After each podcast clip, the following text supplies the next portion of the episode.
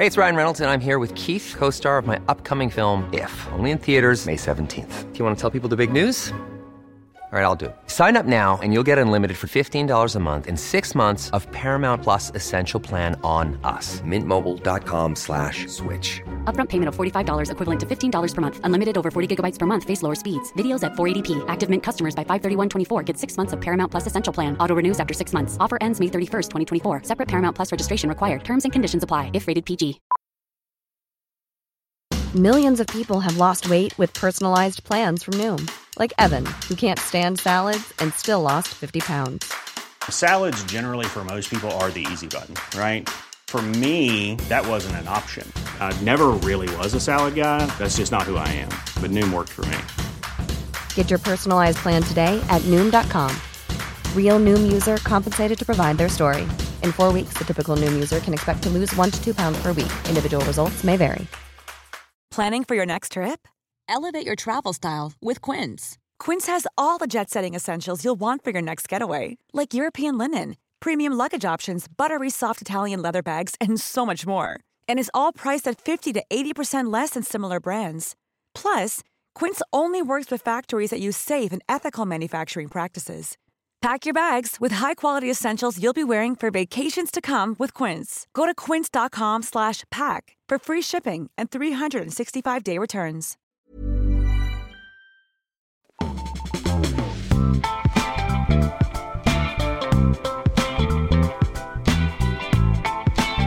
Jo, jag tackar ja. Det är ny måndag, ny vecka, nya tag och du lyssnar på Nyhetsshow med mig, Kalle Berg och med dig, Carl Jansson. Ja, med mig. Eh, härliga tider. Karl, eh, vad ska du prata om idag? Idag ska jag prata om att eh, det verkar som att världens coolaste diktator har blivit omvald i natt.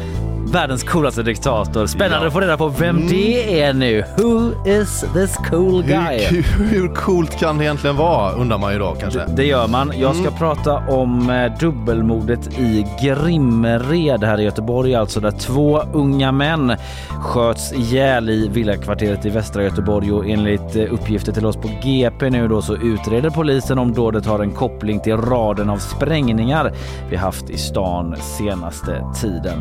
Eh, sen ska jag också ge en liten uppdatering om eh, JLC-guldet ute i Mölndal. Ja. En ny spelare har gett sig in i eh, matchen där och gör anspråk på tackorna. Och då menar jag guldtackorna Karl. Ja, mm, spännande. Gäst får vi också, Karl Pettersson Moberg. Han ska hjälpa oss reda i en sak. Karl, är Eurovision politiskt? Ja, det är en fråga. Mm, det är ju, har varit en del snack om det. Eva Bäckman, programdirektör på SVT, fick ju frågan och hon sa att det inte ska vara det. Nej, Men jag såg är det. det det? Men är det det? Karl Pettersson Moberg eh, har lite invändningar mot hennes och andras resonemang. Eh, dessutom kommer vi att ha två Karl och en Kalle i studion. På tal om att, vad var det Ina som sa att alla heter Karl när Ja. vi var små? Ja, jo, precis. Ja, det slog mig här nu också. Mm. Fel hade hon ju inte. Nej. Eh, sen är det bakvagn också. Vad har du där Karl? Där har jag, eh, där kanske du kommer likt Mi- Micke Leijnegård få sätta plus på livet. Jaha, Ja. vad trevligt. Eh, vi ska se lite. Eh, och sen har vi, eh, då, där är liksom världens lyckligaste stad, eller att bo i alla fall. Förutsättningarna. Vi har hela listan. Vi har hela listan. Underbart. Eh, Jag eh, ska prata om att Hoja blev stoppad av norsk polis eh, och att Jessica Biel har en konstig duschrutin och så lite om eh, färg som inte torkat på fem år eventuellt. Ja, så det är en del att stå i. Här sitter du Karl. Här sitter jag. Eh, hur mår du? Jag mår bra. Eh, jo, jag mår bra. Inslängd här. Mm. På grund av sjukdom. Sjukdom på redaktionen, men då har vi dig Ja. som en god kollega, en god vän, en stand-up guy. Som de sa i ett dataspel vi spelade när vi var små. Vilket var det? Nej, det kanske inte var du och jag. En annan kompis. Det var väl någon annan Karl. Ja, ja precis. Jo, nej men det, det är bra med mig, tack. En eh, ganska händelsefattig helg. Jag Ja. satt och typ funderade lite så här igår kväll när jag fick reda på att jag skulle vara med. Mm. Så jag sa, har jag någon sån bra? Kan du riffa som lite på någon cool story från Som livet? en lekplats, var på Bauhaus. ja, nej, jag vet inte. Vi? Jag var också på Bauhaushelgen faktiskt. Ja, okej. Träffat två kompisar av en slump. Ja, sådär. So that's great I guess. Du då, har du haft en bra helg? Mm, Mm, ja, det har, jag, det har jag haft. Jag var ju ute, vi har ju diskuterat lite vem som åker till jubileumsparken i Frihamnen. Mm. Guilty! Jag var där. Men Och vilken, jävlar eh, vad det blåste. Ja vilken dag. Eh, igår. Aj då, ja jo det blåste. Det Ja, blåste satan och det är nästan omöjligt att ta sig dit också. Mm. Eh, särskilt om man inte har bil men även med bil så är det lite klurigt också. Men jag kan rekommendera, även om vi inte fyller Vad 400 gjorde- år men vad gjorde alltså bara på Ja lek? det är en lekplats Ja. där. Så jag kan rekommendera om man har barn. Okej, Annars mm. eh, kommer det bli weird.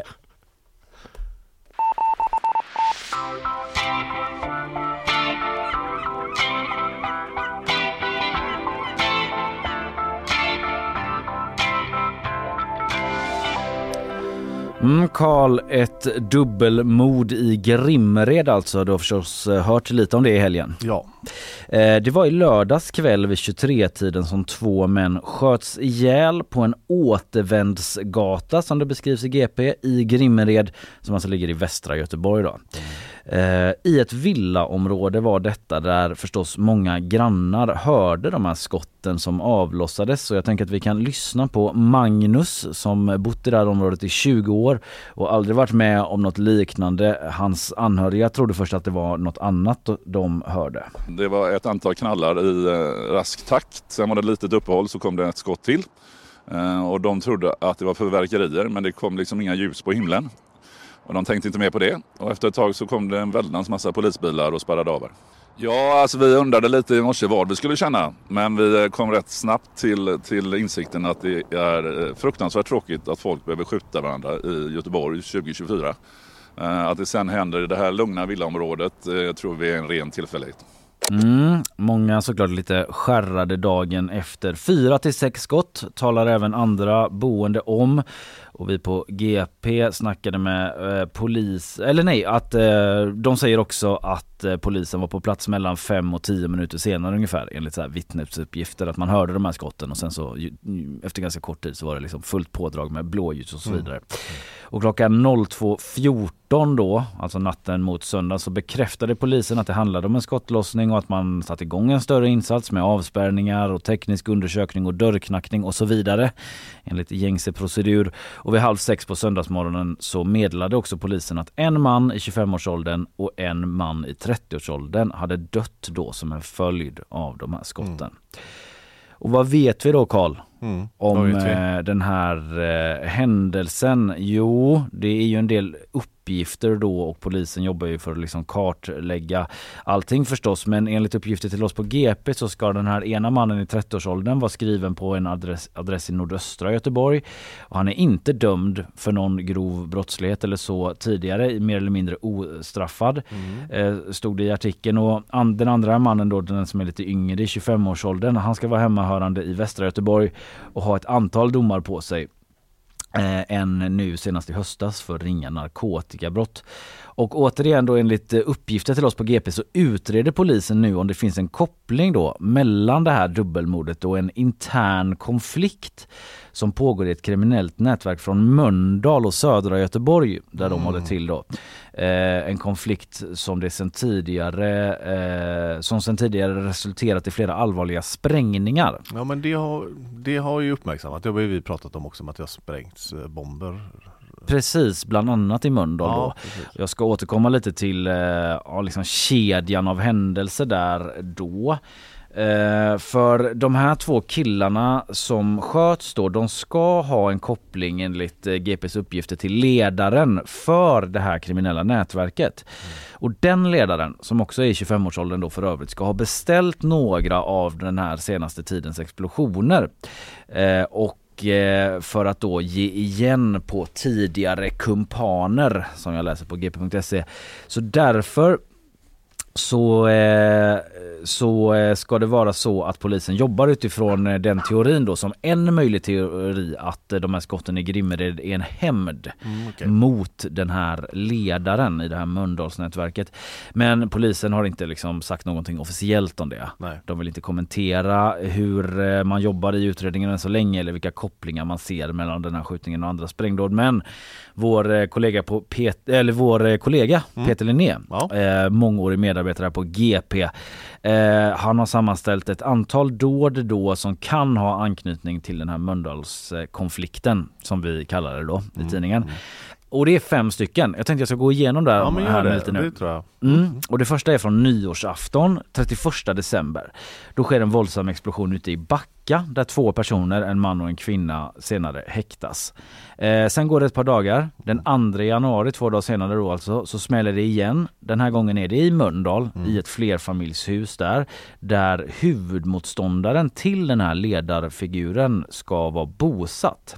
Och eh, sen den 6 januari, fyra dagar senare igen då, eh, allt fortfarande inom loppet av en vecka typ, så är det dags igen då när entrédörren till ett radhus i Önnered förstörs. Det minns du kanske? Mm. Vi pratade om det här, det var ganska uppseendeväckande bilder då när man ser liksom den här sprängda dörren i det här Mm, villakvarteret det. där. Ja nu kommer jag ihåg det Ja, men jag kommer liksom de där bilderna minns man. Mm. Och, och det huset ska vara ägt av en släkting till en av männen i konflikten också. En rejäl smäll som sagt som vi snackade om här. Sen var vi framme vid 10 januari. Nu har det snart gått liksom två veckor då från eh, nyår. Och då sprängs en altandörr ute på Körn där Just det. ytterligare en anhörig, eh, anhörig man ska ha figurerat, eller eh, en anhörig till en man som har figurerat i nätverket som ska bo där ute på Körn. Och sen då 13 januari, två veckor sedan ungefär, så smäller det nere på Sågatan i Majerna. Och det ska Just också det. ha varit riktat mot ännu en familjemedlem där till en i konflikten. Mm. Och eh, ja men det pratade vi också om det där eh, i Majerna då när det skedde och även den här eh, explosionen i Mölndal. Och nu utreder man då enligt uppgifter till oss på GP om det finns en koppling mellan Mm. skjutningen och de här händelserna. Jag kan säga att den här sista sprängningen i Majerna där har man också häktat två män eh, som är misstänkta för grov allmänfarlig ödeläggelse då. Eh, grovt vapenbrott och grovt narkotikabrott för man hittade fem pistoler och mer än 50 kilo amfetamin hemma hos en av de här personerna som sitter häktad. Ah. Mm. Men det, man får ju en väldigt ehm, Man får en bild, eller får bild i huvudet sådär, eller när det är fem sådana händelser på så kort tid. Ja, Alltså, för jag tänkte så här, har han missuppfattat, var det förra året på nyårsafton? Ja nej men Nej precis. men alltså att det går så, Att det det så ja, intensivt. liksom på en månad så har Ja. allt det här hänt. Exakt och sen vet vi ju inte exakt hur kopplingen ser ut eller hur, om det finns sådär mellan de här olika men eh, som du säger oavsett så är det ju liksom en rad väldigt våldsamma allvarliga händelser på väldigt väldigt allvarligt. kort tid. Och gällande dubbelmordet då så berättade polisen för oss på GP i helgen att man eh, försöker kartlägga då de mördades sista timmar och dygn i livet, vad de gjort, om de stämt träff med någon och så vidare.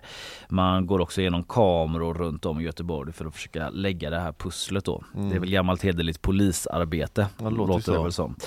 Och eh, om man har information som man tror man kan hjälpa polisen då så vill de självklart gärna att man ringer på 114 14 eller går via polisens hemsida. Så det är ungefär det vi kan säga om det här just nu då Mm. och fler uppdateringar följer på gp.se. Eh. Ja. Var så säkra på det.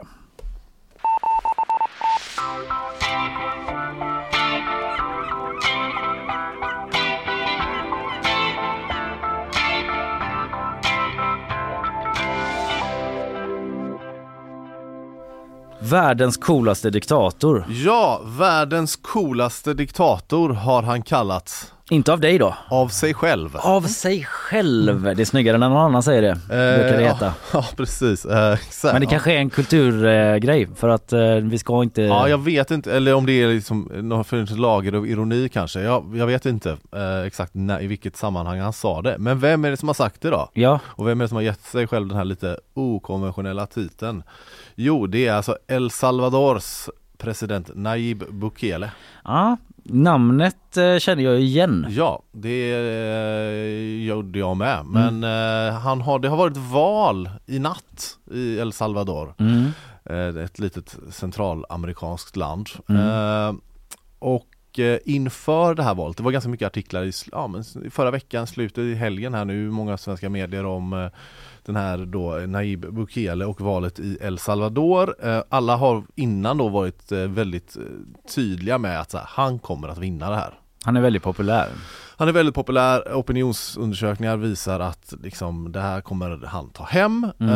eh, och vad jag nu har kunnat se på morgonen här, Mm. eh, googlade lite eh, och då ser det ut som att han har vunnit eh, men vi på nyhetsshowen nog kanske inväntar det officiella valresultatet innan vi säger grattis va? Det är vår linje. Ja precis men eh, Men han... sen är vi där och grattar. Fy!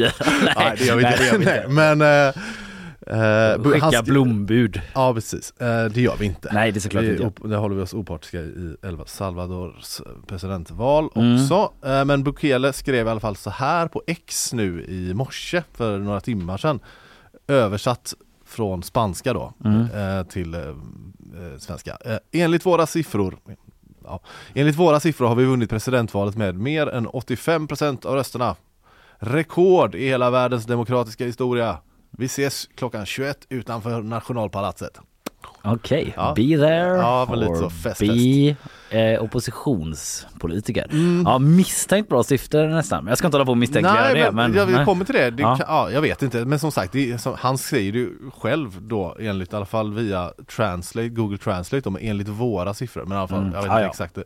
Men då säger, så säger han eh, på Twitter då, eller Mm. på X, och i hans X-bio Mm. så står det också så, bara han, som hans X-bio är bara Philosopher King. Philosopher King, Mm. okej. Jag vet inte om det är Philosopher King eller om det är Philosopher King. Ja just det, i ett ord. Ja, jag vet inte. Eh, men han i alla fall, eh, han är väldigt populär i El Salvador. Ja, Jag läser i en artikel på GP att eh, innan valet, då, i färska opinionsundersökningar innan valet så hade han stöd av alltså mellan 70 till 90 procent av befolkningen. ja fan. Ja, det är bra ändå- siffror. Ja, det är, Då kanske man liksom har lite på fötterna när man går ut och kallar sig för kingen. ja, och typ att han kanske är, så här, ja det här med de 85 procenten. så- Ja, nej. ja, ja, jag vet inte. Men varför är han så här otroligt populär då? Det undrar man ju. Jo, han har ju då eh, under de senaste åren, sen han blev vald första gången till president 2019, Mm. eh, fått bukt med gängkriminaliteten i El Salvador. Ja, för tyvärr är ju det det jag tänker på mycket med El Salvador. Ja, det kom en dokumentär för ja, kanske tio år sedan som Mm. eh, var väldigt uppmärksammad som jag tyvärr har glömt namnet på, om, som handlar om gängkriminaliteten i El Salvador. Och Mm. typ en reporter som lever med de här gängen och tragiskt nog så dör i slutet av, Mhm. ja, ja den är väl, så den kan man säkert googla. Men den har, det, har, det har blivit vida känt runt om i världen att det är så, världens farligaste land. Ja, typ så ja. Eh, och eh, det var alltså då, det, det har gått från att vara det mordtätaste landet i världen, läser jag, med ett snitt, håll i dig nu, Mm. på 18 mord om dagen 2015. Ja, det är ju helt Och nu är det då här, ba- bara, här jag gör citattecken, eh, varannan dag ett mord Mm. i snitt. Och det är alltså ett land på 6 miljoner invånare. Det är ett ganska Ja, litet shit, land. alltså. Som Danmark typ, kanske, Mm. eller något sånt då. Vad är det han har gjort Bukele då? Du kommer väl till det? Men... Ja, jo vad hände då? Ja. Jo, eh, 20, i mars 2022 införde Bukele då ett undantagstillstånd i landet All right. eh, och 75 000 personer har sedan dess då gripits. Okej, sen Och- 2000, 2022. Ja, Mm. så på ja, i mars, ja, snart två år då. Mm. Och han har då hivat massvis av människor i fängelse. All right. Alltså ja, 75 000 personer då. Ja. Eh, det här är ju då, alltså det har ju, det har kritiserats Ja. det här eh, för att det är också ett undantagstillstånd. Där sagt. kan man verkligen snacka om tuffa tag. Verkligen, det är liksom eh, Tuffe Uffe ligger i lä typ. Ja det får man säga, alltså. verkligen. Alla ligger nästan i lä Mm. eh, här. Ehm, jo men 75 000 personer och det har kritiserats av opposition och människorättsorganisationer som menar att så här, godtyckliga gripande av misstänkta gängmedlemmar leder till att ja, oskyldiga drabbas. Mm. Och eh, det har även eh, regeringen eh, erkänt att ja jo men eh, det är en del Man måste knäcka några ägg Ja liksom. men lite den stämningen att han sa också, det läste jag i en artikel från Brau Dau Jönsson som har rapporterat för det här För det här- Dagens för Nyheter, Dagens ja. Nyheter Mm, om att de har jämfört det med ett fiskenät som fångar upp de stora och släpper igenom de små fiskarna. Mhm, okej. Eh, det, de- jag vet inte, Mm. det låter inte som en trålare som fångar upp allt. Nej, Nej. men några Men, kanske, ja. några liksom Men- Fiskar med rent mjöl i påsen Men kanske fastnar också. Ja men precis, men så att eh, det har drabbat eh, oskyldiga Mm. även så att regeringen har eh, då erkänt det Mm. eh, och det har kritiserats så. Eh, en statsvetare som heter Evelyn Gutierrez de Doradea, ursäkta min spanska, Mm. eh, som är intervjuad i en artikel på gp.se säger att tyvärr har vi kommit till en punkt där människor inte längre bryr sig om vad re- regimen kallas för något. Det enda de vill är att kunna gå ut och komma hem igen utan att det händer dem något. Att känna sig säkra när de går till jobbet eller till skolan. Mm. Alltså han har fått eh, han är väldigt populär för att han har fått bukt med det här och då är det lite så här i ett land där så många har drabbats så hårt av gängkriminalitet så länge så Ja, är de väl, det är ju ja. mänskligt att eh, vilja ha säkerhet va? Och Ja, men trygghet. Mm. Du Eh, förstår dem på ett mänskligt förstå, plan. eh, Men också kan man förstå att det blir liksom Ja rättsstaten El Salvador har ju, Mm. har, har också kritiserats här nu då och eh, Men det här med att han kallar sig för världens coolaste diktator, Mm. det är ändå val då. Men eh, mm, Precis, ja vi kommer, lite, o- ja. vi kommer lite till det här Yes. också Eh, Han eh, Men alltså, bara en, kort utvikning kring de här gängen då Mm. eh, Läste jag också som jag tyckte hajade till på De kommer egentligen från eh, Los Angeles från början Jaha. Mm. Alltså de startades av typ eh, salvadorans, salvadoranska säger man, Mm. eh, invandrare i eh, LA på 90-talet men också att de var så här, det står också i den här artikeln i DN att det är salvadoranska hårdrockare. Jaha. Att det var så subkulturen, att de var Okej. hårdrockare.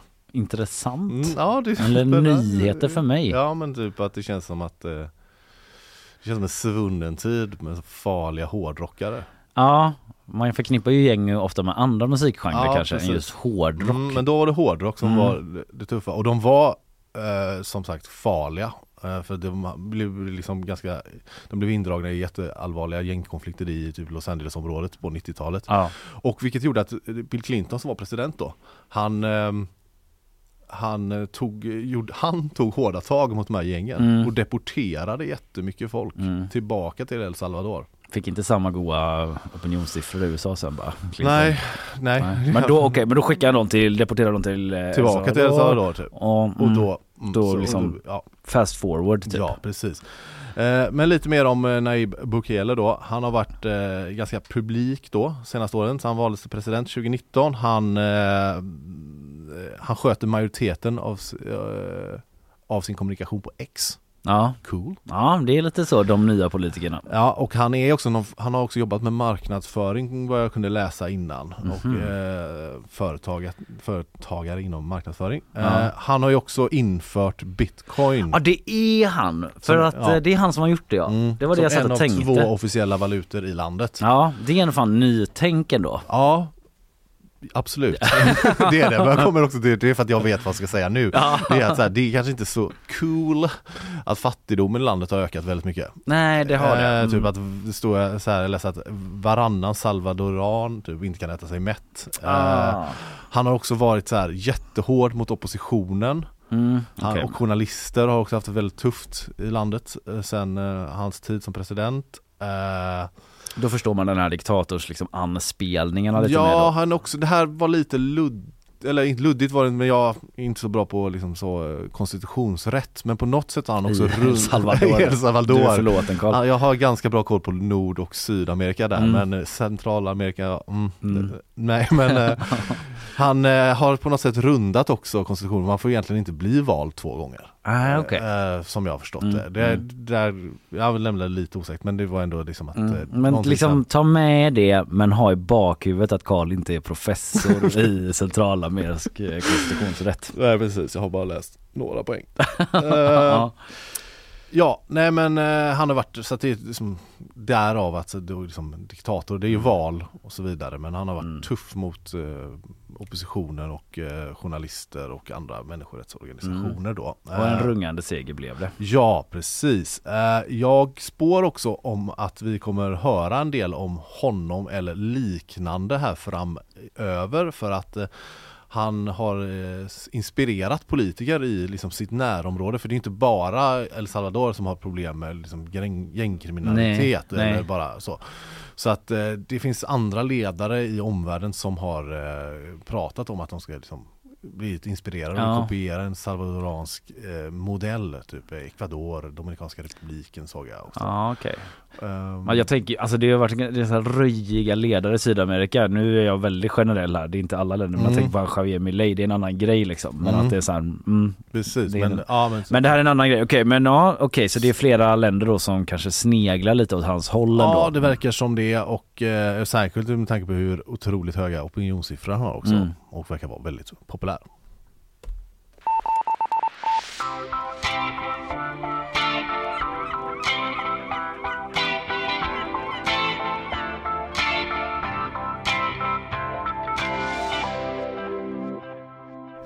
Som om det inte vore nog med en Karl och en Kalle så kommer Karl Pettersson Moberg hit om Ja. en liten stund. Det var ju eh, Mello första deltävlingen i lördags. Mm. Satt du som klistrad Karl? Nej, jag gjorde inte det. Nej, jag känner väl dig. Räknade Ja, nästan med det. ja. Eh, inte jag heller tyvärr, men vi ska inte prata så mycket om Mello egentligen utan vi ska prata mer om Eurovision. Det har ju varit det här snacket om att eh, eh, huruvida det är politiskt eller inte. Svenska artister vill bojkotta. I Island vill man, på Island vill man bojkotta. Även i Finland har det varit snack om Mm. att bojkotta. Men Eva Bäckman, SVTs programdirektör, säger nej, det ska inte vara politiskt. Nej. Men är det Det det är då? freds, det är ett Det är ett fredsprojekt. fredsprojekt och vi ska ta oss en liten eh, vandring genom historien med Karl Pettersson Moberg om en stund då. Han har lite olika eh, exempel eh, från eh, när det ändå har liksom varit lite politiskt ändå. Mm. Även om det inte ska vara det enligt Eva Bäckman så har det Ja, spännande. varit det några gånger. Jag kommer få lära oss saker tror jag. Det kommer vi absolut få göra. Nu så ska du få lära dig lite mer om vad som har hänt med JLC-guldet. JLC-guldet. Jag kallar det så lite orättvist för att det är inte alls säkert att det är JLC-guld. För det Nej. första så är det ju bara LC-guldet? LC-guldet ja. Eh, ja precis. Jo, Jo, jo det blir ja, precis det mm. hela tiden för det är ju Lukas Simonsson och Carl Deman Mm. men inte han eh, Fagerlund då. Eller Jonas Fagerström. Fagerström, förlåt, Mm. eh, som är med. Vi har pratat om detta förra veckan, ni känner till det.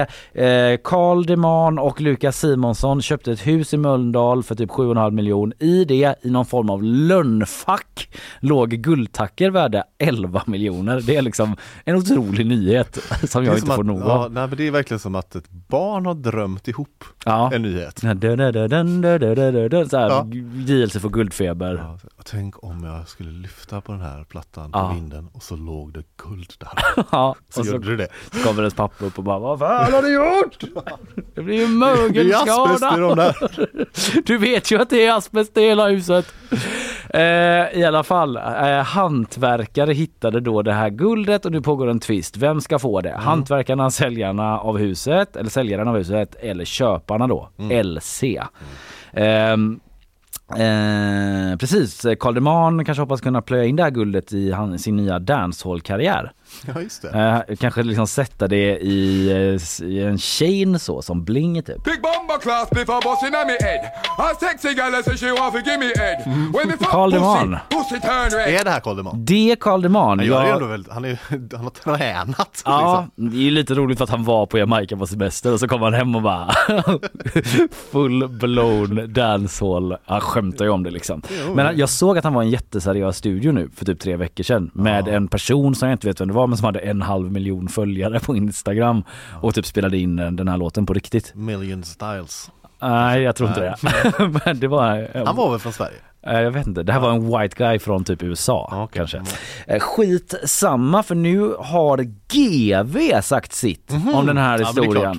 Han eh, får ju frågor om eh, krim och ditt och datt i TV4s Nyhetsmorgon och nu var det eh, LC-guldet som dök upp där. Han säger dels att folk generellt blir lite som tokiga av guld. Ja. Pengar generellt egentligen. Det heter ju guldfeber. Exakt. I got a fever. Och den eh, bygger på pengar. Eh, dels då så eh, säger han det, dels så tar han lite grann ner då Sveriges mäktigaste i sociala medier, JLC, eh, som något lite mindre inflytelserikt än så. Och hantverket ja, säger ja, det var när vi folk, som hittade När folk känner vittringen av sådana här gratispengar, va, då blir de ju fullkomligt galna. Och det tycks gälla även den här lokala humortrion. Den lokala humortrion. JLC, det är det vi ska kalla dem nu. JLC på Mölndalsrevyn i år igen. Ja, den lokala humortrion. Eh, Men han får också frågan då, rakt ut, vem kommer att få det här guldet? Vem tror du kommer få det? Jag, jag tror att, att den här säljaren av huset kommer att få det i och med att han lyckas bevisa att han har bättre rätt till guldet. Va? Mm, det är ju det här med att de hittat en annan guldtacka som har typ samma serienummer som de här andra som då eh, den här säljarens advokater liksom åberopar som bevis. Det måste tillhöra samma så. Eh, samma guld, eh, vad säger man, guldfynd. samma ja, guld... serie, alltså det är väl en serie Ja, samma, liksom. liksom, så det borde tyda på att det borde tillhöra säljaren. Det finns då. ju annat som tyder på att det skulle vara samma. Du menar att det legat i deras, alltså deras hus. Ja, det är Men jag förstår att det indi- finns ett eh, indicie. Ja, precis, jag förstår att det finns juridiska liksom eh, Ja, sätt. det är inte alltid så att eh, sunt förnuft är samma som Nej, nej. sund juridik typ. Nej. Men det är också så att det faktiskt finns en spelare till nu då som gett sig in i leken eh, som gjorde det i helgen här. Eller kanske två ska man säga för nu det är syskonen till den här säljaren som gett sig in i matchen. Och de fick höra om den här guldruschen eller vad man ska kalla det via GP. Åh herregud, sa ena brorsan när vi nådde honom på telefon från GP. Är det där guldet har varit gömt? Utbrast säljarens bror, står det i GP. Jaha. Nu gestaltade Ja, jag, jag vet inte om han pratar så, Nej. men för känsla liksom. Ja.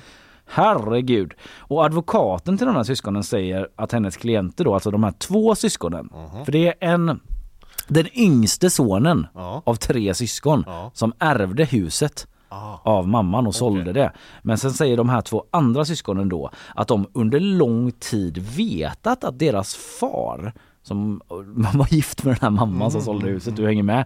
På 80-talet förvärvade guld och platina och att han sen gömt undan godset. Så de ska ha vetat att han gjorde det och ha gömt det här guldet men typ inte vetat var. Och då säger deras advokat då, Ann-Kristin Hemsedal, åker skidor i Norge match. Nej förlåt men jag var där en gång och åkte skidor så jag kunde inte hålla mig. Eh, det, han säger så här, det förvärvades av deras far i samband med att han sålde sitt bolag. Mina huvudmän bodde tillsammans med fadern, alltså det är syskonen som är hennes huvudmän då. Bodde med fadern och modern och visste om att han gjort det här och att han gömt undan det någonstans. Alla har letat men ingen har någonsin hittat det. Fan vad sugna de ska vara på hur jag har hittat det ändå. Och letat och letat. Fast inte så sugna ändå för att Nej. jag tänker en metalldetektor, om de här hantverkarna hittade det Ja. när de var uppe på vinden och skulle lägga in isolering eller vad de nu vad gjorde. de nu gjorde ja. Så känns det som att eh, en metalldetektor, fast det kanske man det ska bara gå här lite. Ja. Att det kanske är det, alltså typ att eh, ponera att du och din bror skulle ha liksom en guldtvist. Ja. Så skulle han, skulle det vara ganska uppenbart vad du gjorde om du kom med en metalldetektor. Just det, vad gör du där uppe? På landet så i trädgården. lite gamla gymnasiebetyg och sådär. Här är min studenthatt. Och.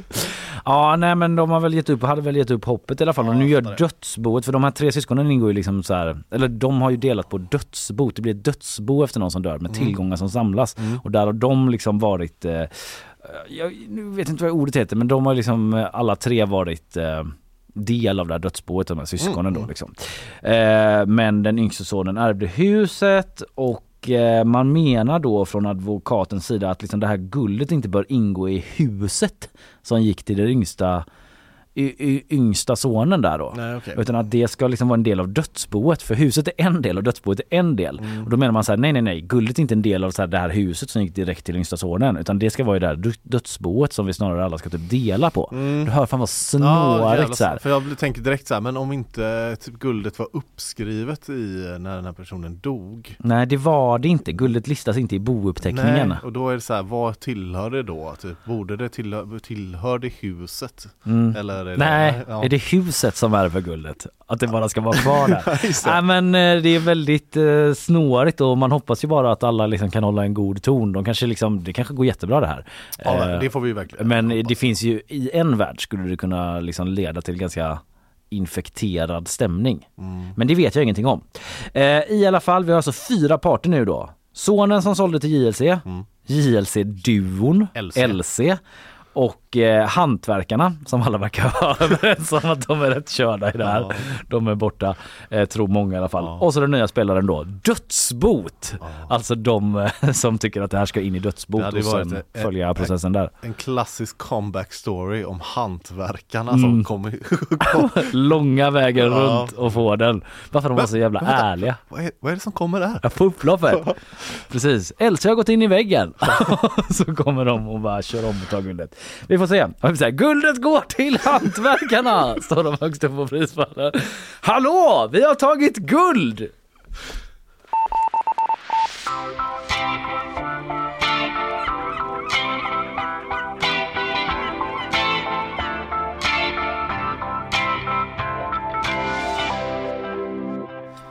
Vi har en god kollega som heter Karl Pettersson Moberg. Han är kulturreporter och kulturredaktör här på GP och vi ska snacka med honom nu om det opolitiska Eurovision. Eller är det så himla opolitiskt egentligen? Vissa vill ju hävda det. Eva Bäckman på SVT till exempel. Att det ska vara åtminstone. Men vi ska gå igenom det lite med Karl för att han har ju liksom gått igenom historien. Ja. Och Han, han, han, han har koll på det här. han har väldigt bra koll. Ja. Extremt. Nej, fel, fel knapp. Häng kvar. Nyhetsshowen 5 februari, måndag, eh, vecka. Vet jag inte vilken det är. Är det vecka 6 eller? Eller vecka 7? Ja, kan jag absolut inte svara på det. Ingen kan svara på det men det har skett någonting. Sex. Vecka 6, bra där Karl. Detta oerhörda har skett att vi har eh, inte mindre än två Karl och en Kalle i studion. Men vi ska nog eh, kunna, ska vi göra ett litet eh, ljudtest sen så ni hör vem som är vem. Eh, men jag börjar med den helt vanliga påan istället som det var planerat. Det är tre månader kvar nu till Eurovision i Sverige ju. Men redan nu har bråken och skriverierna börjat. I förra veckan gick eh, tusen svenska artister ut i stöd för att bojkotta, för att man skulle bojkotta Israel från tävlingen med anledning av kriget i Gaza då. Och Eva Bäckman, SVTs programdirektör, sa att det vore förfärligt med bojkott. Eurovision skapades ju som ett fredsprojekt och ska inte vara politiskt. Men ändå som inte har kunnat låta det här vara riktigt. Det är GPs biträdande kulturchef. Han är här nu för att hjälpa oss att reda i frågan. Är Eurovision politiskt? Jag säger god morgon till dig, Karl Pettersson Moberg. God morgon. Och där hade vi lilla ljudtestet. Där var alltså Karl Moberg som låter så, Karl Jansson Låter så här. och jag, Kalle, låter så här. Jag tror att det är helt omöjligt för de som bara lyssnar att, eh, men ni får bara hänga med. Ja, jag kanske rörde till det mer än eh, vad jag behövde egentligen. Vi har ju helt olika röster och det kommer nog framgå också av eh, samtalets fortskridande vem Vi- det är som pratar. vi får- tror jag. vi får se. vi får se hur det går. Karl, satt du och kollade på Mello i lördags förresten? Eh, det gjorde jag, Ja. absolut. Eh, ja, vad ska man säga om det ens? Ja, det var väl lite av en eh, mellanomgång den första. Det var, enligt Jan Andersson så var det inte de bästa bidragen eller de liksom segertippade som var där. Det är vad det är, men man kan ju känna väldigt så varmt för Carina Berg som ju genomförde sitt öppningsnummer riktigt bra. Mm. Det måste ju vara det vidrigaste någonsin att tänka sig att du ska gå ut på en scen och så göra ett sånt hemskt dansnummer, vara rolig, skämta och sen också sjunga.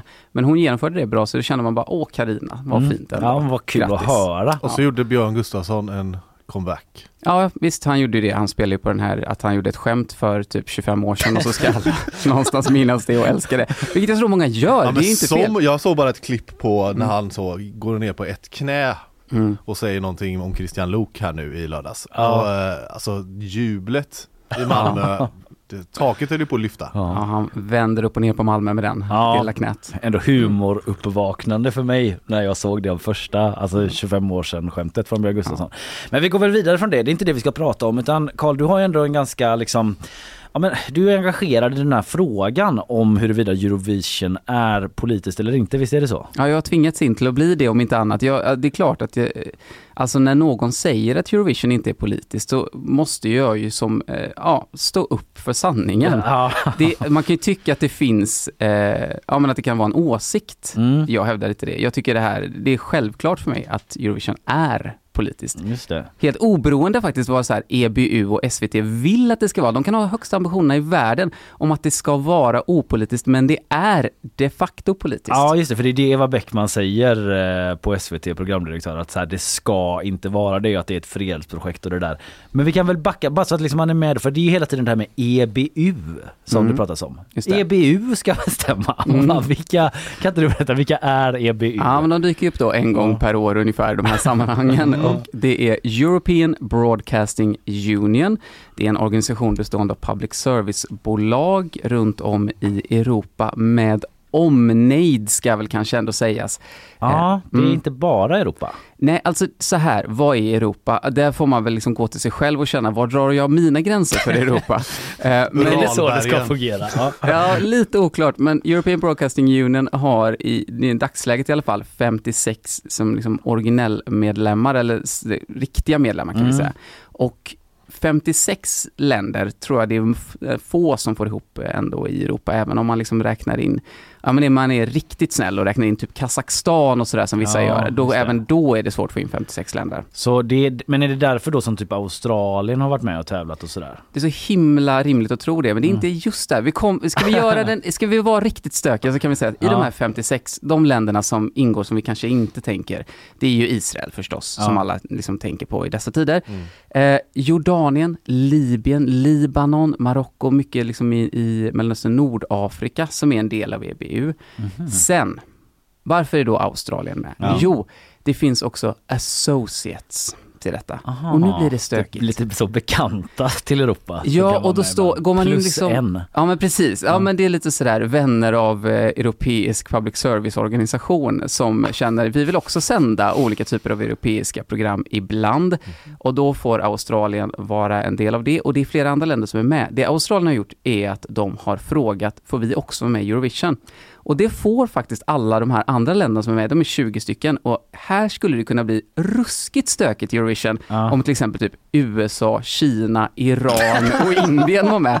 Eh, De har, de har så att säga rätten att fråga om att få vara med. Det betyder inte att de får ja. Men det kan ju också bli stelt, tänker jag, om Ja. de frågar. Man bara, nej Precis. men, Kan vi komma? USA frågar, Ja. känns jobbigt. Men, Men precis, men Ja, är redan eller att Iran frågar att få vara med, vinner. Ja, det är roligt. Och så är det i Teheran nästa år. Ja. Och då, Welcome to Teheran. ja, svårt, alltså Israel och typ Jordanien eller Libanon, det är också knepigt. Men okej, jag bara, vi ska släppa lite där med EBU, men det är bra att få en liten bara uppfräschning om vad det är för någonting. Men har de någon, vet du om de har någon annan sån här hitprogram än Eurovision eller är det liksom det? Har de någon sån världsomspännande sitcom som de har också eller Alltså, liknande? om de har det så lanserar de åtminstone inte det stenhårt med EBU-brandet. Alltså Nej. förr i tiden så var de ju, på, när det på 50-talet när EBU eh, bildades, då fanns det kanske lite andra grejer.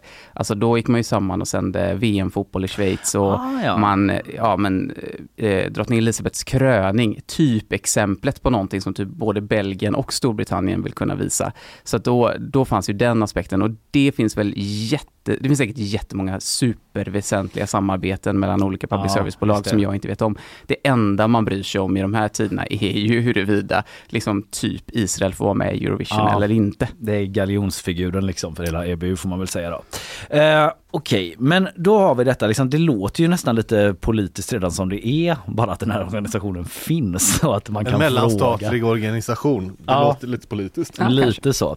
Men eh, du har i alla fall då eh, som liksom eh, eh, kännare av Eurovision-historien. Jag, jag säger det Karl. Jag, tycker, jag tycker du är Absolut. det. Eh, förberett några exempel då på några gånger det har varit politiskt. Vart vill du börja? Jag vill börja i det som i politisk Eurovision-historia ändå får anses vara så att säga introduktionskursen 7,5 poäng. Mm. Eh, vi ska till 74 Brighton, eh, det vill säga ABBA liksom vinner första lektionen. Ja, men, det, det, ja, men så här, är det det bästa exemplet? Nej, kanske inte, men det är det som alla alltid nämner, så vi behöver ha med ja, det. då får vi veta det. Ja, 74 Waterloo vinner i Brighton, detta känner vi till, eh, Sverige alltså. Men på en delad sista plats med tre goa poäng så har vi Portugals Paulo de Carvalho med låten eh, Depuis de Adieu. Ska vi lyssna lite bara så man får en känsla av denna flopp? Depois do amor e depois de nós dizer adeus. Jag säger det, men jag, jag tycker det svänger. Ja, men det har något. Ja. Ja, ett- alltså snålt med tre poäng. Verkligen. Ja, ja det kan man Det här är typ min stil.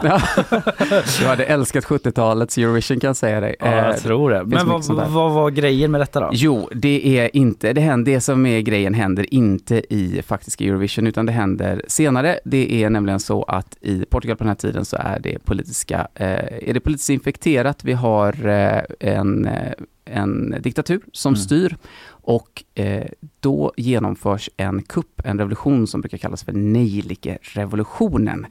Den kallas det på det, liksom, det här är ju som peak 70-tal på något sätt. Istället för att man så håller på eh, och strider och skjuter på varandra i så hög utsträckning så blir det mer folklig uppbackning och man går ut liksom faktiskt på gatan och stoppar nejlikor i gevärspiporna. Så där, det där, om, ni tänker, om ni ser den bilden framför er så är det Mm. just här det Just det. händer. Han så tag i film låter det som. Precis, lite åt det hållet. Och då är frågan, vad har den här låten att göra? Jo, den fungerar som startskott. Alltså när den spelas, då vet eh, folket att de ska gå ut på gatorna och protestera och Okej. kuppen inleds.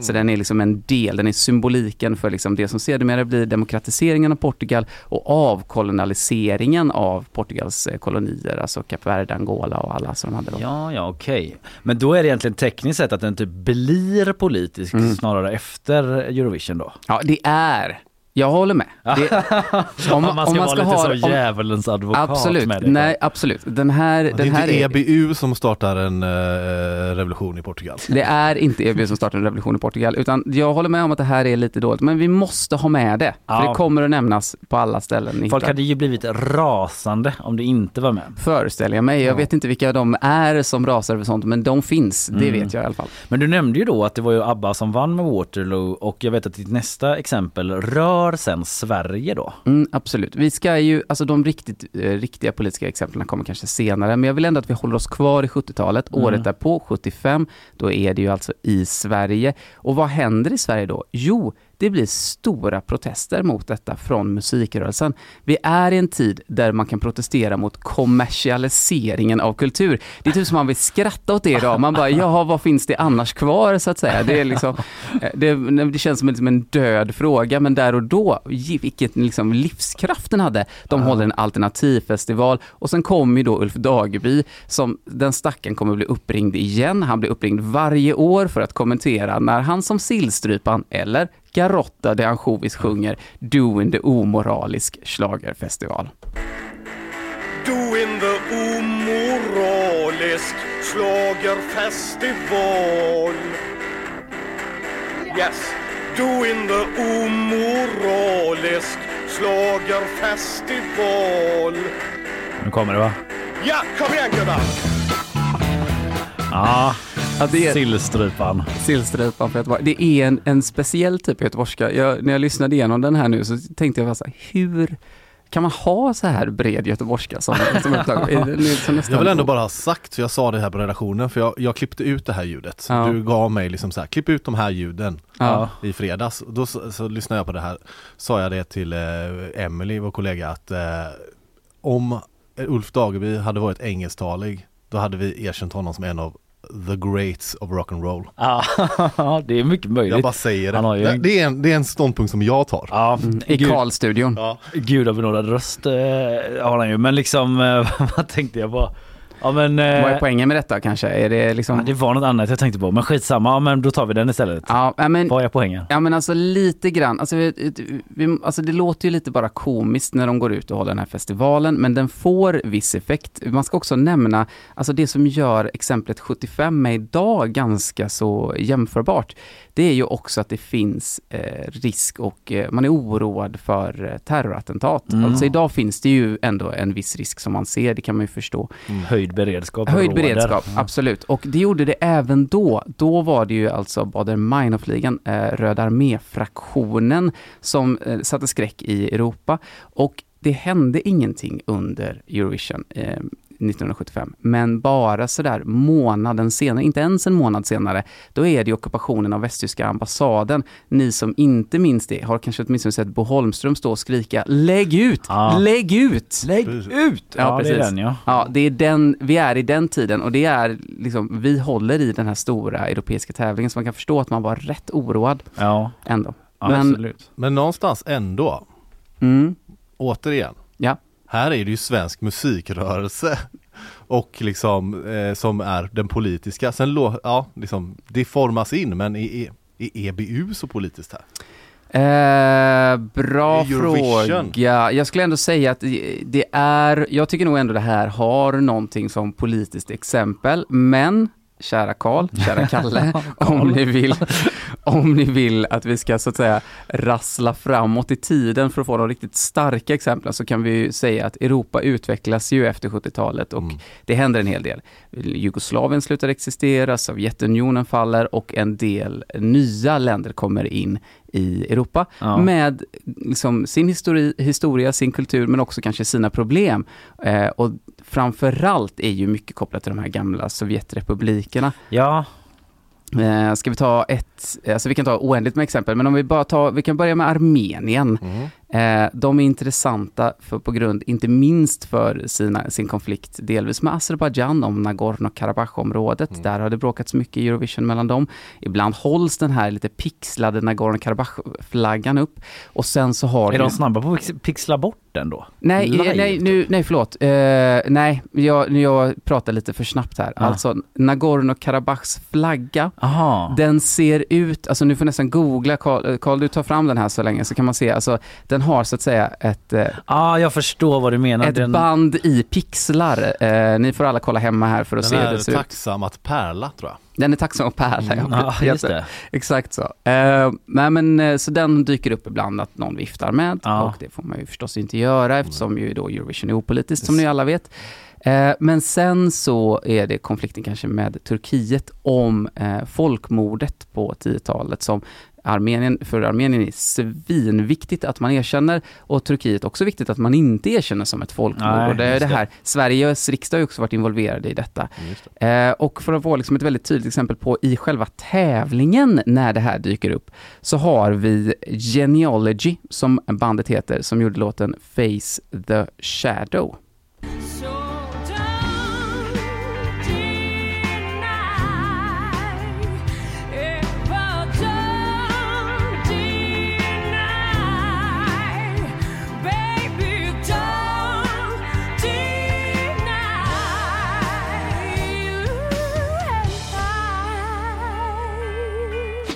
Vad sa hon? Don't deny. Don't deny, don't Ja. deny, don't deny. Alltså, det kan ju vara att man inte ska förneka en kärleksrelation eller så. Det skulle ju kunna vara det det handlar om. Och Armenien menar ju på att det här inte är politiskt överhuvudtaget. Men de bytte ändå titeln från Don't deny till Face the Shadow sen efter påtryckningar från just Turkiet och Azerbajdzjan om att det här ju handlar uteslutande om erkännandet av folkmordet. Ja, förneka inte folkmordet. Eh, Lite så eh, menar de. Jag rullar på. Ja. Mm, vi kan väl nämna, bara dra några snabba, eh, Belarus eh, är ju inte längre med i Eurovision. De är, får inte heller vara en del av EBU. 2020 så var det ju stormigt efter presidentvalet där. Eh, där vi har ju liksom Lukasjenko som ju fortsatt sitter kvar och då tog folk ut på gatorna och protesterade detta. De menar på att det var ett fejkat presidentval, att han hade snott Mm. åt sig rösten och sådär. I samband med det så fattade EBU beslutet om att eh, Belarus inte levde upp till nivån av yttrandefrihet.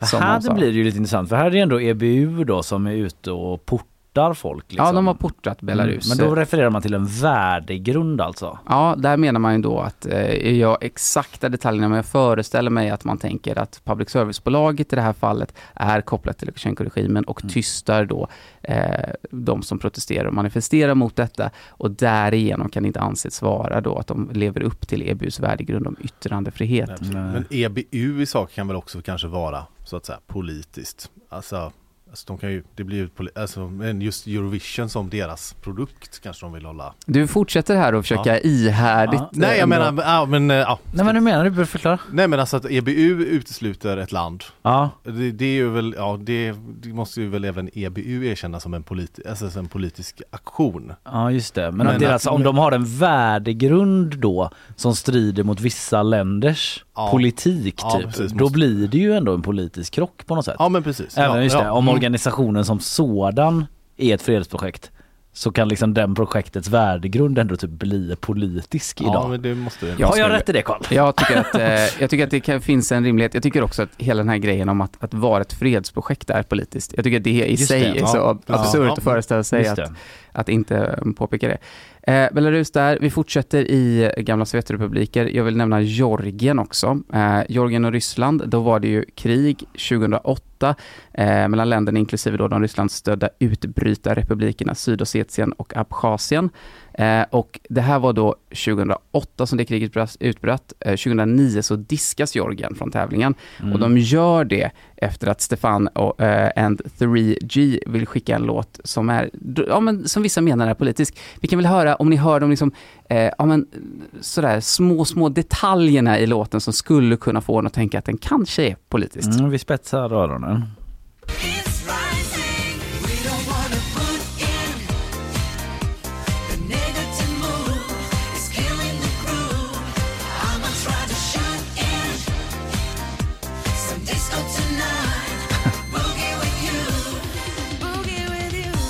We don't wanna pu- put in heter den här låten. They don't wanna put in. Nej. Nej, nej. They don't wanna put in. Och sen är det inget mer med det liksom. Men den här låten var ändå med då? Nej, den här var inte- diskades den för att den var diskades. för politisk. Den här Ja. ansågs vara för politisk för Eurovision. Ja. Ehm, alltså det är lite spännande för att man har ju gjort den här typen av eh, små hänvisningar tidigare. Mm. Eh, Jag tänker kanske på Verka Serdutska som tävlade för Ukraina, som ju själv hävdar att det här inte är sant, men I want to see Lasha Tumbai som de sjunger, så låter oväntat likt Want to see Russia goodbye och lite Mm. sånt där. Så frågan är väl bara exakt hur fonetiskt du måste lägga dig på gränsen för att göra olika hänvisningar. Ja precis, det blir politiskt Eurovision först när EBU typ upptäcker det. Eller Ja, liksom släpper exakt. igenom det då. Ja, och ibland så är det helt okej. Jag tänker Jamala som ju vann också för Ukraina, som ju givetvis är ett av de, de absolut största exemplen på politik i Eurovision. Mm. Eh, Hon gick upp och sjöng om eh, Stalins utrensning av krimtatarer 1944 och det, alltså, Inget Ingen politi- ser inget politiskt med det. Men där är väl det huvudsakliga exemplet att just nu är ju Ryssland också då eh, förbjudna att delta. Ja. Eh, och det har ju stormat länge, det är ju inte bara nu utan det har ju stormat det ju liksom hela vägen tillbaka till eh, Krimkonflikten som Ukraina och Ryssland har blockat varandra och på olika sätt Ja. försökt hindra Mm. varandra i Eurovision. Ja, det blir väldigt intressant att följa nu då. Tre månader kvar tills det går av stapeln i Malmö va? Ja, i Malmö, precis. Denna, denna så Björn Gustafsson älskande publik ska ta sig an också Eurovision-publiken. Ja men också liksom en speciell stad i sammanhanget så Israel, Gaza. Mm. Eh, får man ändå säga liksom i en eh, svensk kontext där. Du eh, Karl Pettersson Moberg, eh, du är ju kulturredaktör på GP. Tusen tack för att du kom hit idag och guidade oss igenom liksom det politiska Eurovision. Känner ni er övertygade om att Eurovision, helt oberoende ambitionerna, ändå är politiskt? Alltså jag, jag håller, jag, så här, det du sa om att det i sin grund som ett fredsprojekt, då blir det förr eller senare politiskt. För att vissa menar ju att en del fred måste brytas för att skapa rättvisa. Om du förstår vad jag menar? Jag liksom. att, så här, att, att hela tiden bara, nu från den här punkten när vi startade det här så är det fred och då liksom ska vi jobba bara utifrån det. Då blir det, blir svårt att hålla det Mm. genom hundratals år. Preach. Ja, tack så du ha Karl. Tack.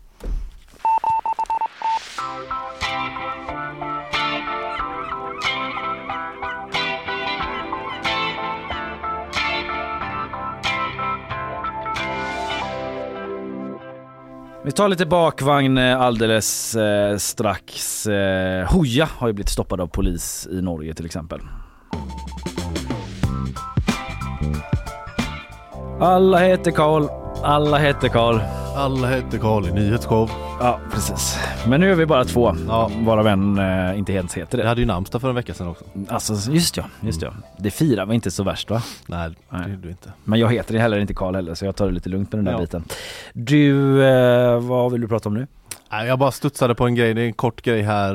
Eh, Du vet Aftonbladet, de har ju... eh, att Du de- känner till. Du känner till? Paus för reaktion. Eh, nej men de har ju så att eh, när de träffar kändisar så får kändisarna sätta plus på sitt liv. Ja, jag minns att Fredrik Wikingsson som Ja, blev lite typ så viral nästan. Han gjorde ju söndagsintervju med Martin Wiklin här nu i söndags, igår. Jaha. Såg jag eh, och lyssnade på. Då var liksom utgångspunkten var så att du gjorde ju en sätta plus på ditt liv intervju med Aftonbladet. hur, hur kommer de svaren från din bar- barndom? Det är ju ditt stora case om att Martin Wiklin måste släppa folks barndom nu. Ja, det måste. Det är alltid så. Eh, Vad sa din pappa då? då? Han är jätte, jätteduktig intervjuare men det är, det är mycket barn då. Nej men i alla fall, då var det, så det var en ingång var i alla fall att eh, du, sa, du satte ju ett och två plus på allting i livet. Ja. och så, ja, men för att så är det inte nämligen, men för det var bara så här, Micke Leijnegard har varit Mästarnas Mästare, är den Ah. senaste i raden som har fått sätta plus på, eh, på livet. Och då är det ju då karriären, kärlekslivet, hälsan och ekonomin som Ja. här. Jag läste bara jättekort den rubriken där men att, uh, ah, nej men berätta jag kommer Jag tyckte bara det var lite härligt, Ja. eller roligt så här för att karriären sätter Micke 5 plus. Det är fem plus. Det är 5 plus. Ja, Mästarnas Mästare, det är ett kanon-tv-gig ändå tänker jag. Ja, ja men det är. Ut och resa, men då ska man, också träffa komma, man ska också Foppa. komma ihåg att en fem, ett 5 plus på en femgradig skala Ja. är, alltså man ska säga kontextualisera så här, 2 plus är okej, 3 plus är bra, 4 plus är mycket bra, 5 är liksom världsklass brukar man slänga sig ibland. Och jag skulle skrattar inte- för att du så många gånger, du är liksom med på en resa Karl, typ en missioner, missionärsresa. Där du vill liksom berätta alla, för alla att två plus är ett bra, go- det är och godkänt och, så här, tre är jag bra. tycker- och jag- jag- folk fattar inte jag det, folk tror att två är köper verkligen- dåligt. Jag köper det är verkligen det. att Micke Leijnegård sätter 5 plus på karriären. Vadå Mästarnas Mästare? Han har väl haft en kanonkarriär? Ja, han får ju träffa alla de Ja, här, men alltså, Brolin han- ja, och Fors, Magdalena Forsberg och Peter Forsberg. Och... Ja, ja visst. Men det, är- det blir alltid i kontext va? Alltså om man jämför med eh, eller jag vet inte, jag kan typ i och för sig inte tänka mig ett bättre jobb. det, är, det är liksom ett pang, nej men det är Ja. ett pangjobb. Karriär, 5 plus. Alltså Ja, så här. musik, men så kanske. nästa då, kärlekslivet, Micke Leijnegård, vad tror du? men jag tror väl fem Ja det är plus. 5 plus. Jag hör ju det på det är Han har varit gift sin fru i 18 år. Ja. Det är fantastiskt. Det är också liksom Världsklassrelation. Vär- Världsklassrelation, en relation i världsklass.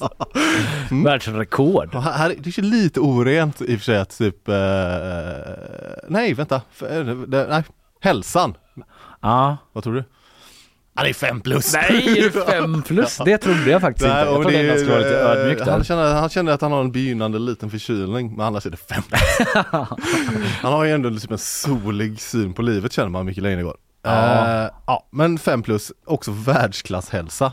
Han är, alltså uppe i 15 plus på tre frågor här Alltså nu. då är det ändå typ att Micke Leijnegård, enligt honom själv, Ja. då får jag inte säga, liksom, det är inte en objektiv läkarbedömning av hans hälsa, men han det hade varit fint om man fick det. Ja, det. När man gick till vårdcentralen.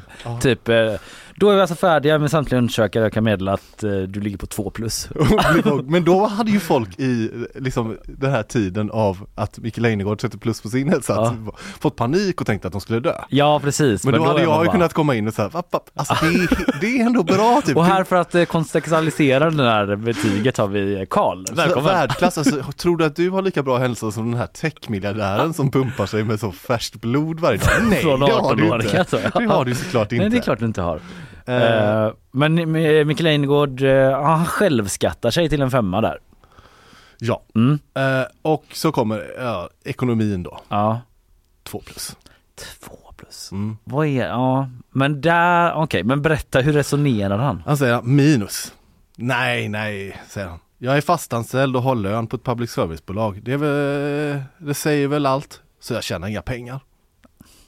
Nej, nej, jag har så jag klarar mig. Ibland det- blir det, det här är roligt, ibland blir det för mycket månad, månad kvar i slutet av pengarna. Säger Micke Leijnegård.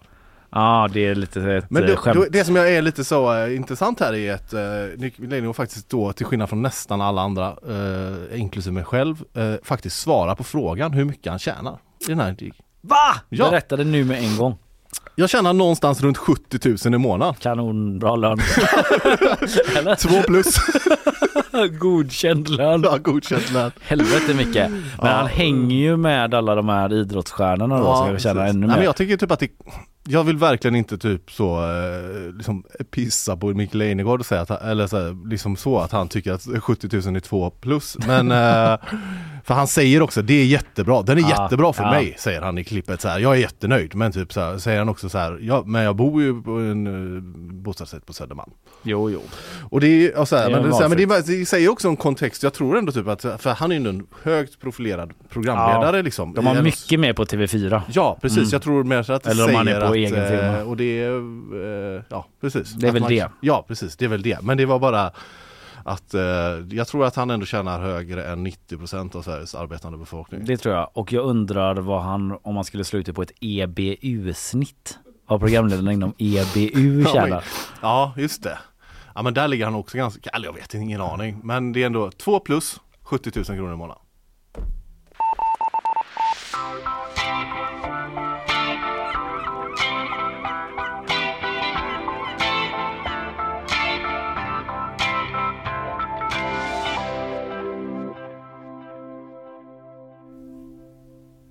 Vi har haft med killarna i eh, Hooja i det här programmet. Mm. DJ Mårdhund och DJ Hooja Mård. själv. Ja just det, jag tänkte vad hette den andra så? Ja, Ja men det är det som är så knäppt att de är Hooja men det är också en som är Hooja. mm, DJ Mård. Det är inte det vi ska prata om. De har nämligen stoppats av norsk polis. I Norge. Vet Eh, ni inte vilka vi är? Nej precis, nej ni är maskerade typ och kör över gränsen i mask. De kanske tog på, på sig masken, då kanske de vet vilka det är. Jaha, Ah, det är Mård. ni, kom förbi killar. Ja, mm, Ja, okej, det. de har det här, så, just det, de tittar på deras pass här, är det här verkligen du? Så har de Här så, står det ju Rickard. men också typ att så här, de kanske åker in utan mask men i passet så har de mask. Så här, bara, är det här du verkligen? Så det bara det. Just det, det är det. Eh, nej men de skulle dit och turnera då och eh, då blev de stoppades eh, för att polisen hade upprörts, eller någon hade upprörts, skriver SVT, över hur de handskades med en älg. Hooja har alltså handskats med en älg, Karl. På ett sätt som någon upprörts över. I vanliga fall gör man ju inte det. Och eh, det är väl en definitionsfråga för att den älgen som de har handskats med är den radiostyrda älgen Björn som Mm. står på hjul. Det har de tydligen med i sina scenframträdanden då, en älg som de kan köra runt med där och då har de kommit liksom eh, de har hållit på typ att rodda med den i Oslo. De har inte kört över gränsen på den här radiostyrda älgen liksom, utan när de var framme som jag förstår det så, eh, så har de liksom varit på scenområdet och hållit på liksom eh, handskats med den här älgen. Och då har någon Det tyckt är att otydligt. Ja. Ja, och då har någon tyckt att eh, det, så där beter man sig inte med en älg och handskas med den på det där viset och ringt polisen då. Och så här beskriver Hooja och DJ Mårdhund eh, eh, det hela, ja de beskriver det så här helt enkelt när polisen slog till. Så bara hips vips några minuter senare en sån här stor polisbuss. Ja. Vilken buss? Ja. Bara kör järnet och så som blockerar den bilen och så kommer de utkutandes och, och säger då att de har blivit tillkallade för att det är liksom en lös älg. Ja, det var SVT som hade lagt på lite publikjubel där i bakgrunden. Men det är alltså en PG-buss som bara slirar framför bilen och stoppar dem. Ja, men jag har en livslevande älg i centrala Oslo. Ja precis eh, och, och stoppar dem där då. Eh, händerna på huvudet säger de. Säger de. Eh, ändå en ganska dramatisk scen liksom. Jag, ser, jag googlade snabbt här, ser ändå en bild på den här älgen Mm. och DJ Mårdhund och Hooja.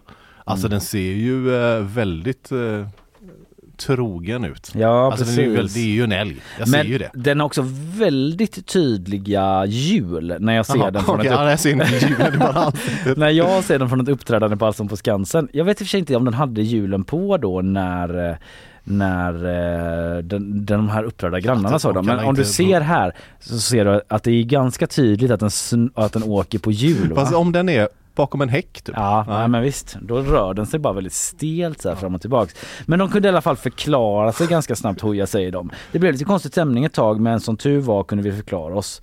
Eh, så det slutade med att både vi och polisen skrattade. Ett gott skratt fick de sig. Så här Mm. säger eh, Hooja tror jag. Eller om det är DJ Mården men jag tror Hooja.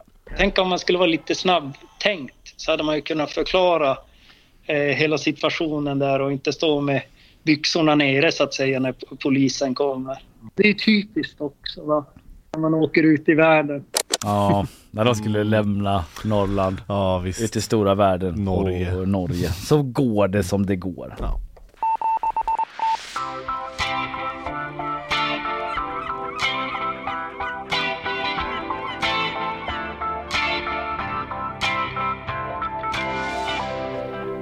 Ska vi se, då ska vi se, då ska vi se här var Låt jag. oss se vad du har att bjuda på Karl. Nu måste jag ju, nu har jag ju eh, ställt till det med mig själv här. Måste jag hitta länken? Ska jag ta något så länge då? Ja, tar du något så länge. Jag kan ta helt eh, kort bara. Eh, jag eh, nämnde det i början av eh, programmet här på löpet att Jessica Biel har en ny duschrutin. Känd från Seventh Heaven. Ja men visst är hon känd därifrån. Jag kanske lite insomnad karriär på något sätt. Inte lika mycket i strålkastarljuset som när man själv sprang hem från skolan och såg eftermiddagsvisningen av Seventh Heaven. Fick sig en rejäl morallektion. ja det var väldigt så att de inte, de, de lämnade liksom inte avsnittet med en fråga så. Bedöm själv vad som var rätt och fel. Utan det var ändå ganska Nej, alltså det on känns som the nose. Det känns som att eh, moral, eh, liksom lektionerna i programmet Seventh Heaven krockade lite med liksom, den egna uppväxtkontexten i så Ja. Göteborgs innerstad. Kanske även så kanal 5s övriga innehåll i tablån. Presk, typ, Så så. s- typ eh, Outsiders. Filip Fredrik typ, är på porrfilmsinspelning. ja exakt sen då. det är Seven, seven. I alla fall. Eh, på TikTok, det är ju där saker blir virala, så har hon startat en ny rörelse. Eller hon vill i alla fall. Eh, eh för jag läser på Aftonbladet så här. Jessica Biels ovanliga duschrutin har blivit viral på TikTok. Vill starta en äta i duschen-rörelse. Vad känner du Karl? Är du? Join the movement. Nej jag tycker inte det. Du tycker inte det är Nej, bra? spontant, men jag, låt mig... Jag, jag, Du är ändå öppen. Jag är öppen, jag Ja. tänker ändå lyssna på vad hon har att säga. här. höra hennes hear her out. Det är nummer ett väldigt tillfredsställande säger skådespelaren i en TikTok-video som blivit viral. Då undrar man vad äter hon då? Eh, då nämner hon... Sådana majskrokar som han heter bebisar tänker jag. Ja, som bara smälter. in. ja, men du, så här säger hon. Hon äter flingor, Nej, men, ja. yoghurt, kaffe, te och glasspinnar. Då får man ju duscha väldigt kallt. Ja, jag vet de kan smälta, men om man spiller så åker det ju bara rakt ner i golvbrunnen säger de. It's a win-win. Ja, okej. Och eh, som en eh, sann Seinfeld-kille Mm. så måste jag ju bara nämna det klassiska avsnittet när Kramer börjar leva och bo i duschen Ja, och installerar en sån avfallskvarn längst ner i, i, i duschen och så, så lagar en sallad där som han bjuder sen Elaine och Puddy på och någonting som jag inte kommer ihåg vem det är. Eh, men så här, det här är liksom Jessica Biel. Well, you know, Shower sooner, and then I ask myself, why? I mean, this is where I want to be. So I got a waterproof phone, I shaved, I brushed my teeth, and I ordered a pair of chinos from J. Crew. when are you getting out? I'm not! I'll see you later, buddy! I'm not! Är det då Justin eh, Timberlake som får ge- gestalta eh, Jerry Seinfeld i, det här, i deras relation då? Var de ihop De eller? är väl gifta väl? Ja, är de gifta? Ja, jag tror det. Fan, hur kan Justin Timberlake låta det här pågå liksom? Honey, typ, ska du komma och äta middag? Bara, jag har redan ätit faktiskt. ja, De har det. två barn och eh, verkar fortsatt vara gifta. Ja. Bara kommer in och ska duscha så ligger det liksom flingor och glasspinnar i golvbrunnen. Nej Jessica Biel, jag Nej. vet inte jag.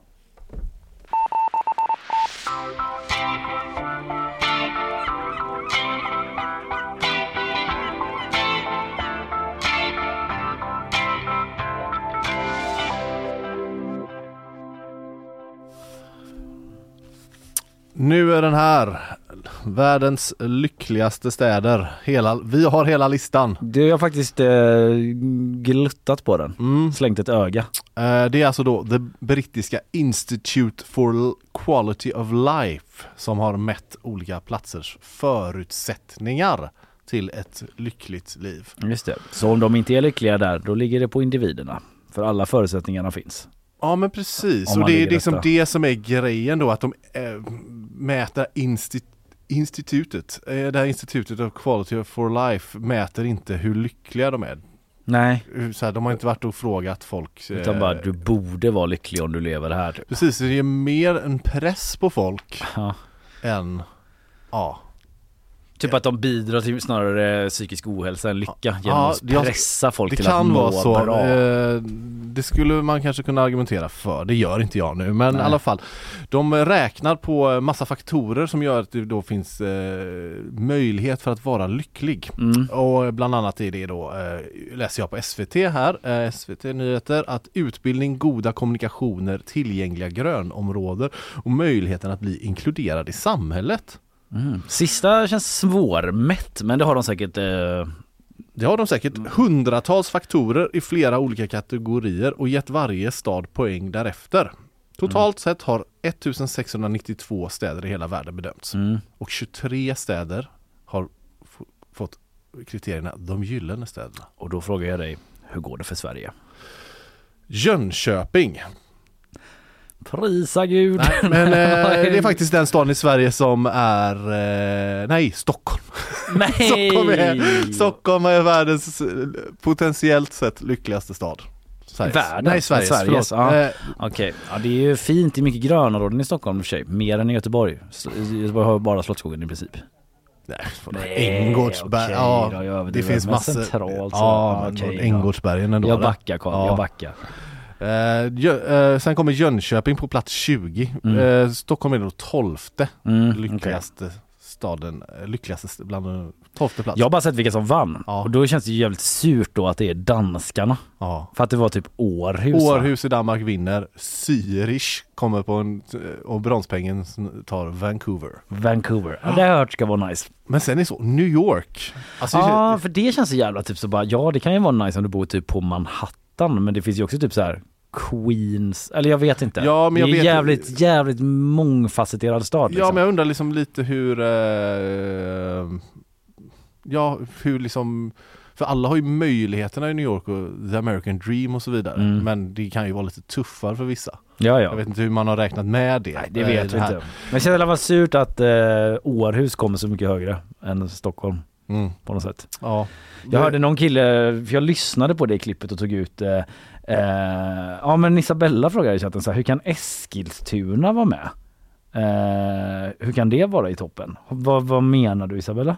Isabella proddade då? Ja just det, den är faktiskt, här står det, det var insprängt mellan Sydney och Toronto På plats 15 plats Eskilstuna Ja, det är lite sjukt ändå. Jag har i och för sig knappt varit i Eskilstuna, det är väl toppen. Men jag såg lite när de pratade om det och då tyckte jag det var lite gött för att det var typ så att alla sa så här att ja det är toppen i Eskilstuna typ så jag gillar att det är en å här och att det går broar över typ. Det tycker jag är nice. Mm. Men så var det en kille som kändes lite mer så här eh, ärlig på något sätt.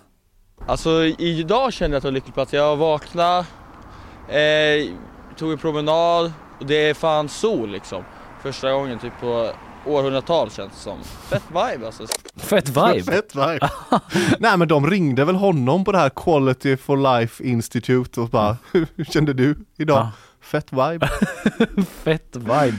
Ja, fett vibe i Eskil- Eskilstuna fall. Göteborg undrar bara. Ja. Plats 91. Men, ja, skitsamma, eller varför bryr jag mig? Det, det kanske är sant. Jag vet inte om alla har liksom, det är fetare vibe i Eskilstuna än Göteborg kanske. Ja. Om det gäller typ så möjligheter De har- att de- påverka det beror väl samhället. på vem de var. ringde. Ja.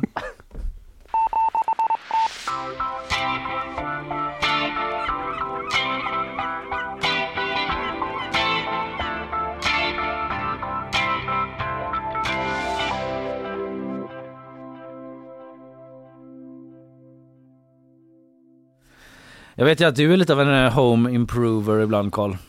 Håller på att snickra på någon jävla kolonistuga där ute. Jo, ja. jo då. Greja Så- lite. Ja, det ger mig mest, ja, mycket ångest den där konstiga. Ja. Ja. Någon som också kanske hade lite ångest är en eh, präst som jag läser om i Aftonbladet som eh, håller till i, eh, ja vart är det nu igen?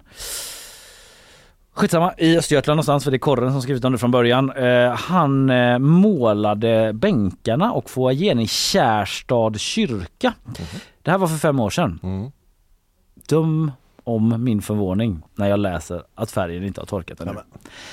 Det är bedrövligt säger Håkan Hemäng, fastighetsansvarig. Då är det alltså så att man bestämde sig eh, 2019 då för att måla om med Linoljefärg, ja det var det jag satt och tänkte på. Ja, för jag hade ju ingen... jag tänkte att du skulle... Satan. Ja, berätta lite. Vad är det med linoljefärg?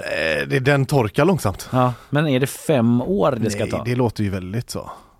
Det låter väldigt mycket. Det är inte så kul om man ska ha festligheter i kyrkan säger han. Ja. Om man liksom ska prisa Men jag vet att typ att, Gud, nu ska men det kan man ju köpa på olika sådana här affärer som säljer så, eh, byggnadsvård och Mm. alltså det är, lite, det är väl ofta alltså, fint, så fin pigmentering. Mm. Ja, men han säger så här, Håkan Hemming, att måla med linolja är ett hantverk. Mm. Du ska dra ut det så otroligt tunt med penseln och särskilt första lagret.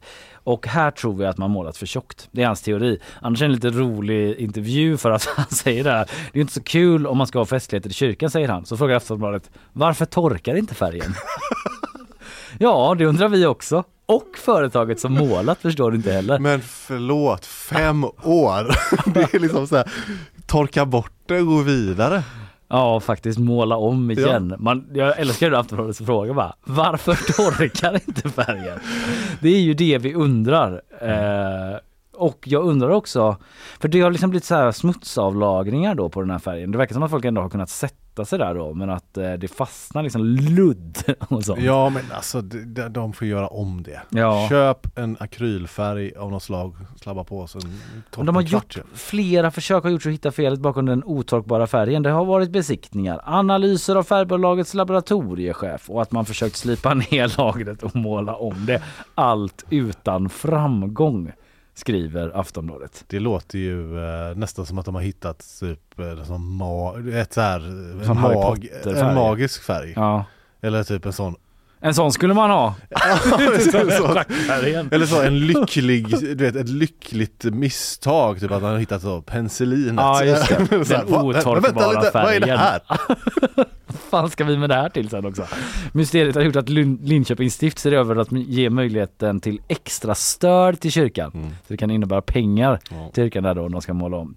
Eh, gör om och gör rätt med en färg som torkar säger Håkan Hemming. Så han är inne på samma linje som du Karl. Ja.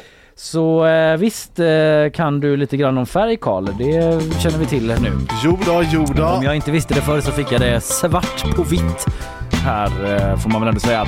Du, idag så har jag eh, talat om eh, dubbelmordet ju i Grimmered där två eh, unga män blev skjutna under lördagskvällen här i helgen och polisen har enligt uppgifter till GP då ett spår i utredningen där man kollar på om det hör samman med tidigare sprängningar här i stan. Ja, eh, och jag pratade om valet i El Salvador där citat då världens coolaste diktator verkar ha blivit omvald. Mm. Det lär väl finnas ute nu för den som eh, lyssnar. Så de om man vill googla. Mm. Just det. Och jag gav er också en uppföljning i eh, LC-guldyran, alltså de två i trion eh, JLC som gör anspråk på det här guldet. Det har getts in en ny spelare i matchen som gör anspråk på guldet och GV har sagt sitt om vem han tror kommer stå med guldet där i slutändan. Och så var ju Karl Pettersson Moberg här också, kulturredaktör på GP och pratade om huruvida Eurovision är politiskt eller inte. Det här fredsprojektet, eh, Eva Bäckman på SVT, chefen där menar ju att det ska inte vara politiskt. Nej. Men Carl begs to differ. Det var väl det hela. Vi eh, är tillbaka imorgon igen. Då får vi se vad det blir för konstellation Ja, här. Någonting i blir det i alla fall. Vi är tillbaka. Februari och så vidare. Ha det gött, hej! Hej!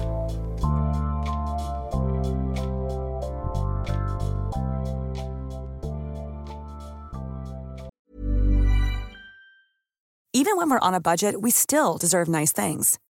Quince is a place to scoop up stunning high end goods for 50 to 80% less than similar brands. They have buttery soft cashmere sweaters starting at $50, luxurious Italian leather bags, and so much more. Plus, Quince only works with factories that use safe, ethical, and responsible manufacturing. Get the high-end goods you'll love without the high price tag with Quince. Go to quince.com/style for free shipping and 365-day returns.